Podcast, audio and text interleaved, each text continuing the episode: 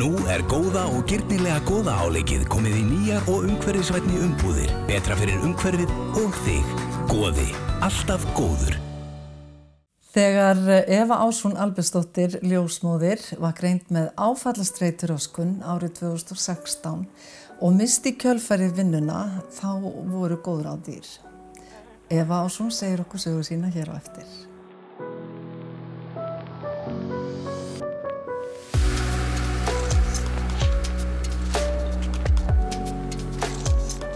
Eva, hvað er áfallastreitur öskun?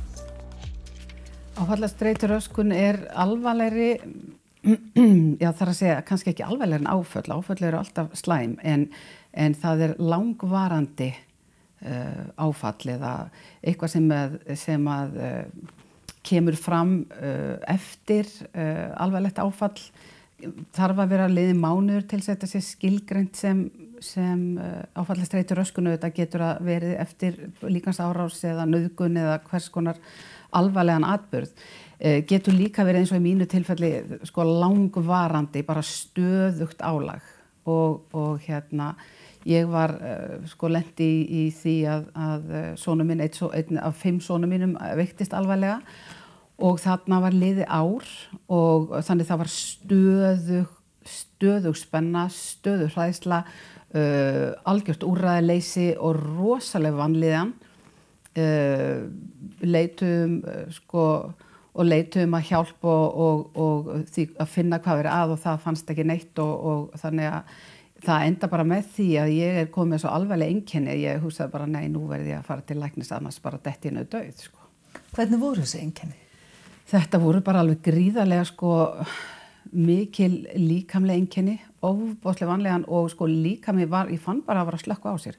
Mjög harf blóðþuristingur og ég titraði bara, uh, auðvitað var maður ekki búin að sofa neitt og maður var stöðut að endur upplifa sko slæma hluti sem hefðu gerst og, og bara erfið atvik og í öllu þessu ferli.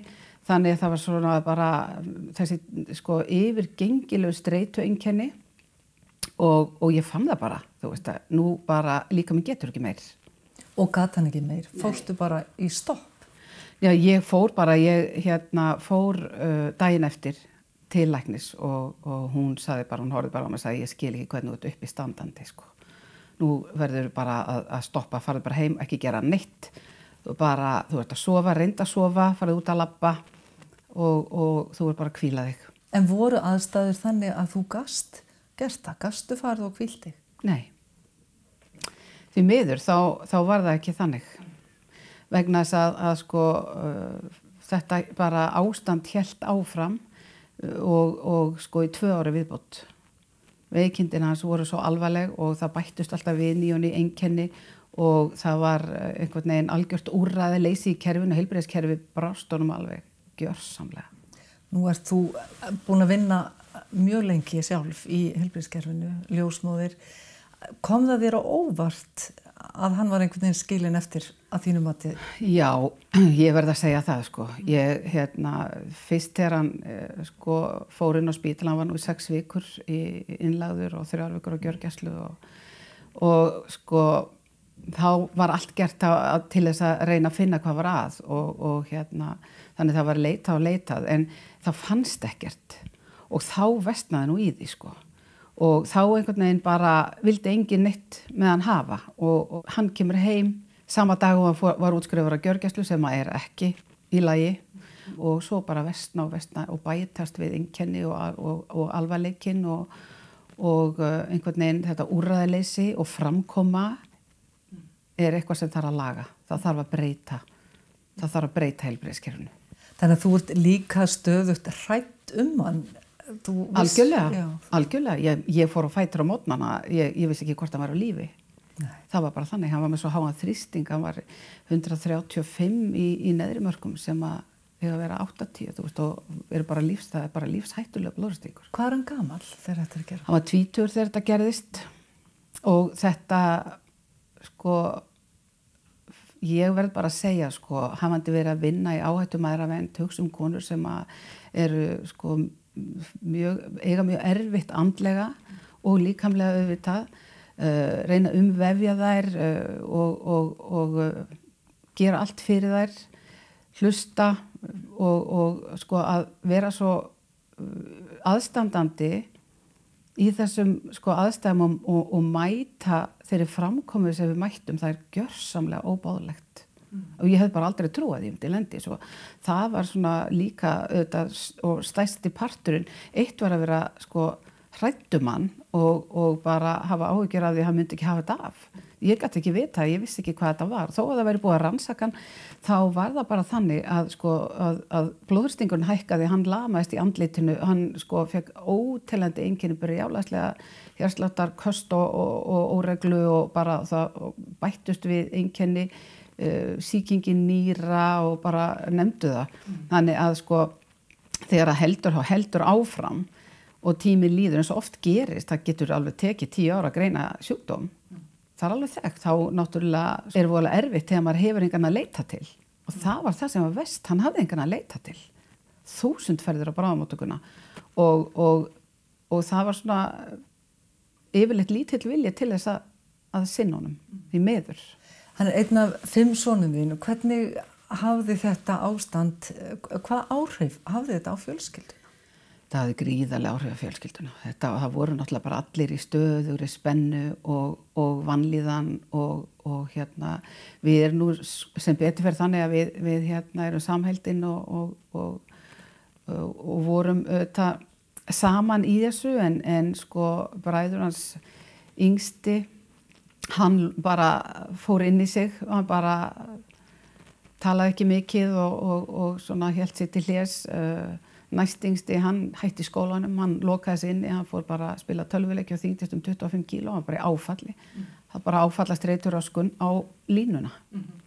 Gastu unnið eitthvað með þessu? Þú, þú mistir vinn? Já, já, ég gæti unnið, sko, ég, náttúrulega ekki þessar sex vikur meðan að ég þurfti að vera á spítalan, sko, með yfir honum. Það var ekki hægt og ástandi var bara það slæmt að ég sá bara, ég get ekki viki frá hann. Mm -hmm. Af því það var, sko, það var bara, viðmótið var þannig að það var ekki hægt að fara frá hún. Mm -hmm. Það var ekki hægt að treysta heilbyrði starfsfólkinu fyrir hún, mm -hmm. miður. -hmm.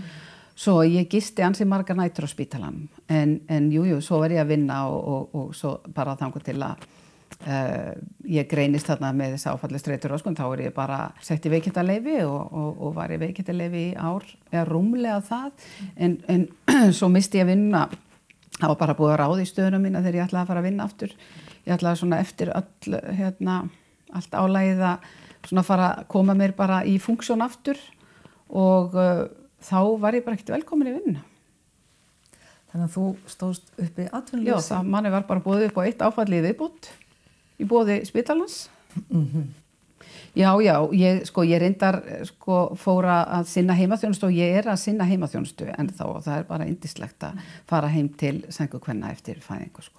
En þú nýttir tíman samt þú fórst að leita að hvað gæti verið aðonum og þú fórst að leita þér kannski hjálpar líka já. Já, já, já, já, ég bara lág yfir því, var bara með tölvun og ég lág og leita og leita og leita til þess að reyna að finna út uh, hvað verið að, að því að það var alveg ljóst að þetta væri eitthvað óvenjulegt. Yeah og, og hérna og svona ég var þeirra skoðunar að þetta væri í, í hérna á tögakerfinu, þetta væri eitthvað sem væri í og það var bara greinilegt. Þegar, maður, þegar tímin leið það bættist bara eitthvað við og við eitthvað veist, endalust þá sá maður það að þetta væri hérna uh, það gæti ekkit annað verið. En ég fór í, í virk sem var mjög gott en þá hugsaði ég bara ég, hvað get ég gert sjálf til þess að halda mér á floti vegna þess að ég gæti ekki með hans svona veikan verið að fara mikið frá honum. Það var ekki hægt. Þannig að ég uh, fór nú að leita á netinu alltaf verið svona áhersum um heila og töguvísindi andlega líðan og allt þetta og, og svona hugsa bara hvað get ég fundið? Og uh, ég uh, rekst á eitt og annað auðvitað, svo mikið í bóði John Assaraf, alveg frábær uh, og svo finnir Jack Canfield mm -hmm. og þar hugsa ég bara sá eitthvað myndband með hann eitthvað fimminátna vídeo og ég hugsa bara vá, þetta er það sem að ég á að vera að gera Hvað, hvað var hann að segja? Já, hann, hann var að tala um árangursreglur, hvað maður þarf að tilenga sér í lífinu til að ná árangri og sko hann vinnur þannig að, að hérna, hann kennir svo mikið í gegnum sögur og ég hugsa bara ég fann það bara að þarna var komið um, tæki fyrir mig til þess að vera hæfari til að hjálpa öðrum. Ég hef alltaf verið að hjálpa öðrum í gegnum árin og, og sko þarna ég segi, og ég á nóga sögum, tróðu mér, og mínu lífi. Að, að sko til þess að, að, að hérna hjálpa og, og, og einhvern veginn þá, þá uh, var það bara þannig að ég tók ákvörðun um að hérna uh, fara í nám og læra þetta. Og þetta er hvernig 2017? Þetta var 2016 sem ég ákvað það og, og, hérna, og þetta er fjarnám og ég hugsa bara já, ég ákvað það og, og uh, svo hins vegar var ég náttúrulega ekki neinu ástandi til þess að fara að gera neitt, til að fara að læra eða það bara, á, það var sko...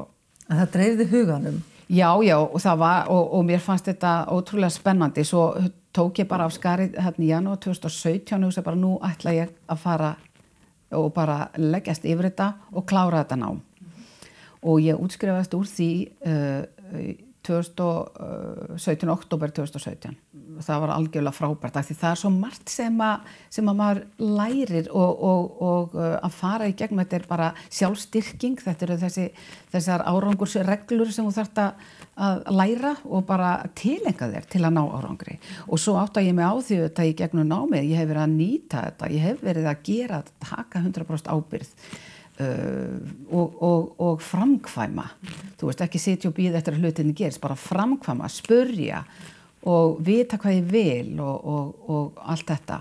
Og sína þraut segju aldrei að gefast upp. Nei, af því að ég veit að þú erst hannig að þá hlýtur þetta að hafa verið rosalega sérstakt fyrir því að upplifa að þú værir búin að krasa. Var það ekkert erfitt fyrir því einhvern veginn að horfastu augvið að, eða? Sko Jú, það var það nú kannski uh, að sumuleiti uh, af því að ég er nú frekar svona sterk að eðlisfari og hefur tekist á við hans í margt í lífinu mm. en þetta var samt þannig á þessum tímapunkti að sko að ég leit ekki á þetta sem sko einhvern ósigur eða ég væri búin að tapa. Ég bara sko leit á, á þetta sko, sem eðlilega afleiðingu þar sem hafi verið að gerast og af skinnsemi þannig að ég sko, framkvæmdi og fór til læknis. Mm. En á þessum tímapunkti er hann ekki læknaður samt sem áður? Nei, nei, nei, nei, nei, nei. hann verið ekki læknaður sko og ég uh, held áfram, það var nú merkilega að saga segja frá því mm. að uh, viku eftir ég útskrifast þá fæ ég tölupost frá Canfield skrifstofunni þar sem ég kvöttist að sækja um áframhaldandi nám. Og ég hugsa bara, oh, ég get það ekki. Ég, ég, sko, ég fann það, ég ætti að gera þetta. Það var bara mitt einsægi jú, ég fann það. En ég hugsa bara, get það ekki, hann er svo veikur. Ég bara, ég hef ekki efna á þessu og einhvern veginn var allt svona skinnsemminn sko, en ég hugsa bara, já, já það bara alltaf var ég að fara aftur í eina tölupost og svo sem ég, ég ásækjum þetta, ég bara gera þetta. Bara 50 manns í heiminu sem komast inn í þetta nám og ef ég verð eina þeim þá er ég bara heppin og þá leysist þetta og veit ég bara þá á það að verða eins og móðum minn hefði orðað sko. svo að ég sótt um og svo gerist það í november að það ringdi mig frá skrifstofunni og ég hafði þurft að svara einni spurningu svona hver væri helsta hindrunin og ég segi það sem veikindi svona minns og, og uh, hún talaði með indislega ungkona á skrifstofunni, segir við mig svo þegar hún búin að spjalla góða stund og svona og ég komst inn í námið og, og uh, hún uh, segir svo við mig ef að áðurinn að ég fór að vinna hérna hjá Camfield þá var ég að vinna hjá lækni sem að allir leita til þegar engin veit hvað er að. Og ég bara ég satt bara og ég bara satt og ég sagði bara vá þetta er ástæðan fyrir því að ég átt að sækjum þetta. Þið bara drifið ykkur til bandrækjana þegar þú varst búin að fá þessar upplýsingar frá þessari indislegu stúlku þarna skrifstofin í skólan. Já, þetta var aldils ótrúlegt. Við töluðum við læknin og fórum svo í framhald að því og hittum á vorum eh, bara, hann fór í meðferð hjá hann í byrjun desember og það liðað tvær vikur. Þá er hann komið með 70-80% bata. Þetta er algjörlega líginni líkast og uh, í lók janúar er hann læknaður. Öll enginn horfin og hann er enginnlaus búin að vera allatíð síðan. Þetta er bara kraftaverki lí, líkast sko. En þetta er samt ekki kraftaverk þannig laga, þetta er alveg læknisfræðilega sönnuð aðferð, eða Já, hvað? já, já. Hvað hva, hva var gert? Stofnfrumu meðferðin bara er, þá voru bara teknar stofnfrumur úr honum og þannig að eins og læknir segir, sko, hann sagði, ég læknaði ekki, hann læknaði sér sjálfur. Og það er það sem er svo merkilegt, það er að segja hefnir og geta líkamanns til þess að gera við sig. En eh, sko, að þurfa að berjast í, í þrjú ár og þurfa svo að fara af landi brott, það er ekki eins og það á að vera. Nei, og það var, það gerðu þið bara upp á einn reikning. Já, já. Við vissum það að það myndi ekki tíð að tala við neitt lækni hér, það, það myndi og, og það er því bara ekkert samþygt, þannig að, að við eitum ekki orku, við höfum, höfum heldur ekki heilsu í meiri baróttu sko, svo að við, við hérna, þetta kostaði marga miljónir og, og hérna, fjölskyldan bara tók sér saman og, og við erum þakklátt í dag, ég er mjög þakklátt og, og hérna, og, og þykir væntum hennar lækni, hann er góði vinnu minn og þau hjónin í dag, hafa komið hingað heimsækja okkur tvisvar Hvar er þessi læknir og hver er þetta? Hann heitir Darren, Dr. Darren Clare, hann er í, í Kaliforníu, Westlake Village og er sagt, hann er svæfingalæknir og sérfræðingur sko í lífstílslækningum sem er ný, ja, nýleg sérgrein innan læknisfræðinar og, og sko hans um, uh, hann vinnur þannig að hann er að fyrirbyggja fólk veikist segi farið til læknis til þess að fá að vita hva, hvað þið þurfið að gera til að veikjast ekki Og hvað er það sem það þarf að gera til þess að veikast ekki?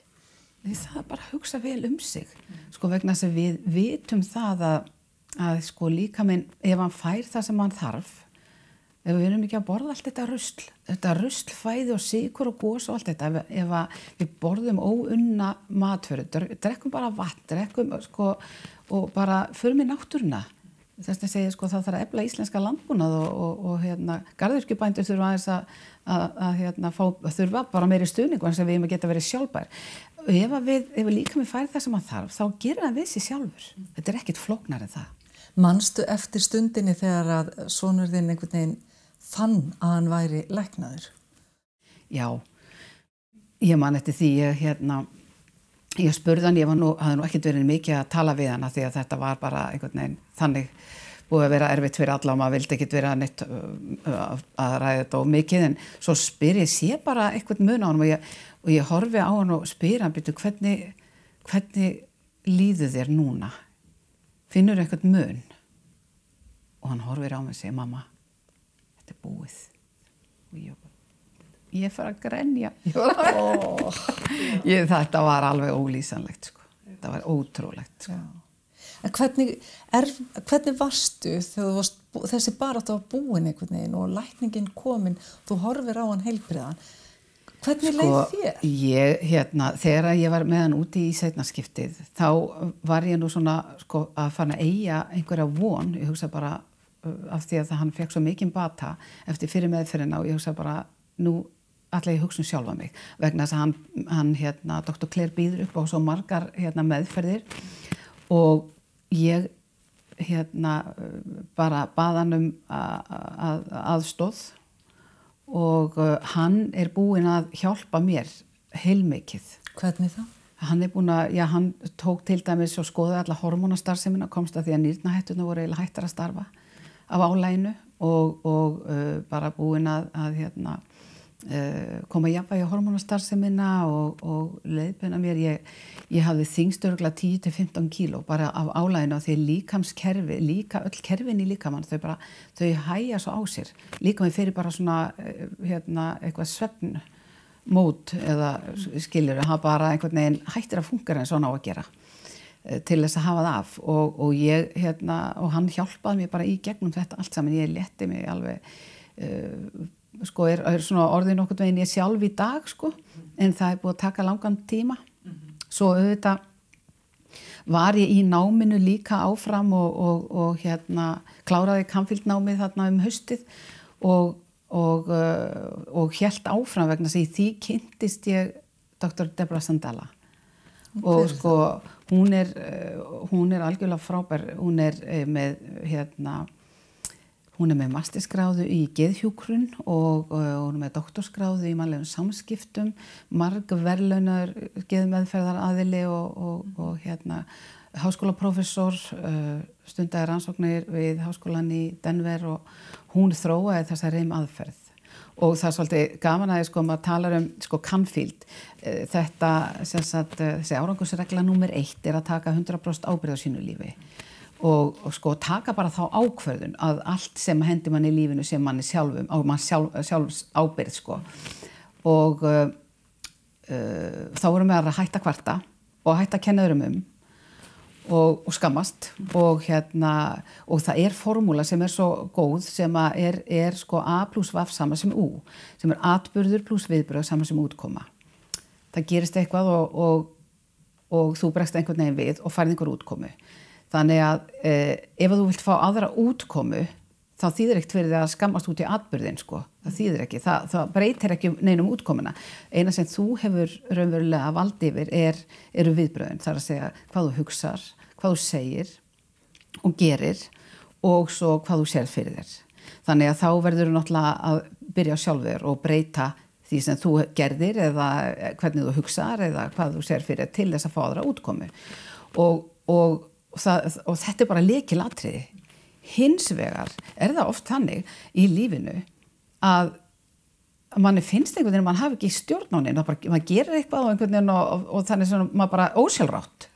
Og þar kemur Dr. Deb inn sko vegna að það er akkurat það sem gerst, það er undir meðvutundin og REIM stendur fyrir Regenerating Images in Memory og þetta er sem sagt endurmynda minningar í minni og vegna þess að, að sko, við stjórnumst svo mikið af tilfinningunum. Og, og hún notar sagt, eh, bæði vinstri heila og hæri þar að segja sko, raukugsunna og ímyndunarafli sem er svo vannitt tól sem við höfum. Og líkam skinnjun til þess að, að sko, fara niður í undirmeðutundina Og, og það er þannig að tögkerfi okkar er svona úr, úr plasti, þar að segja sko, er, eh, heilin er alltaf breytast og tögkerfið og, og það er, það var nú sko, það er löngum búin að sko, 20 árið að minnsta sem var sínt fram á það að, að hérna, ef að uh, þú kallar fram gamla minningu, þá verður hún, óstabíl í tögkerfinu. Þannig að það er hægt að breyta henni. Áttu þá við að maður geti breytt, ef eh, þú hefur orðið fyrir áfalli, þú upplýðir eitthvað og þá koma tilfinningar, getur þú farið tilbaka og, og svona laga það? Já. Er það það sem ótt við? Já, og það er það sem að þessi, sko, þessi aðferð, sko, hún gengur út á það að þá ferðu uh, og, og skinjar og finnur uh, einhverja tilfinningu í líkamann og þú, þú gerir, gefur tilfinningunni form og lit og áferð. Þú notar raukhugsunna sko. þú veist, þú notar eh, hérna, öll, öll skinnfærin en þú, þú ferð á endanum á einhvern stað sem að það er bara sko, það er það sem að ég er að læra það er búin að læra sko, að, að leiðbeina í þessu ferli.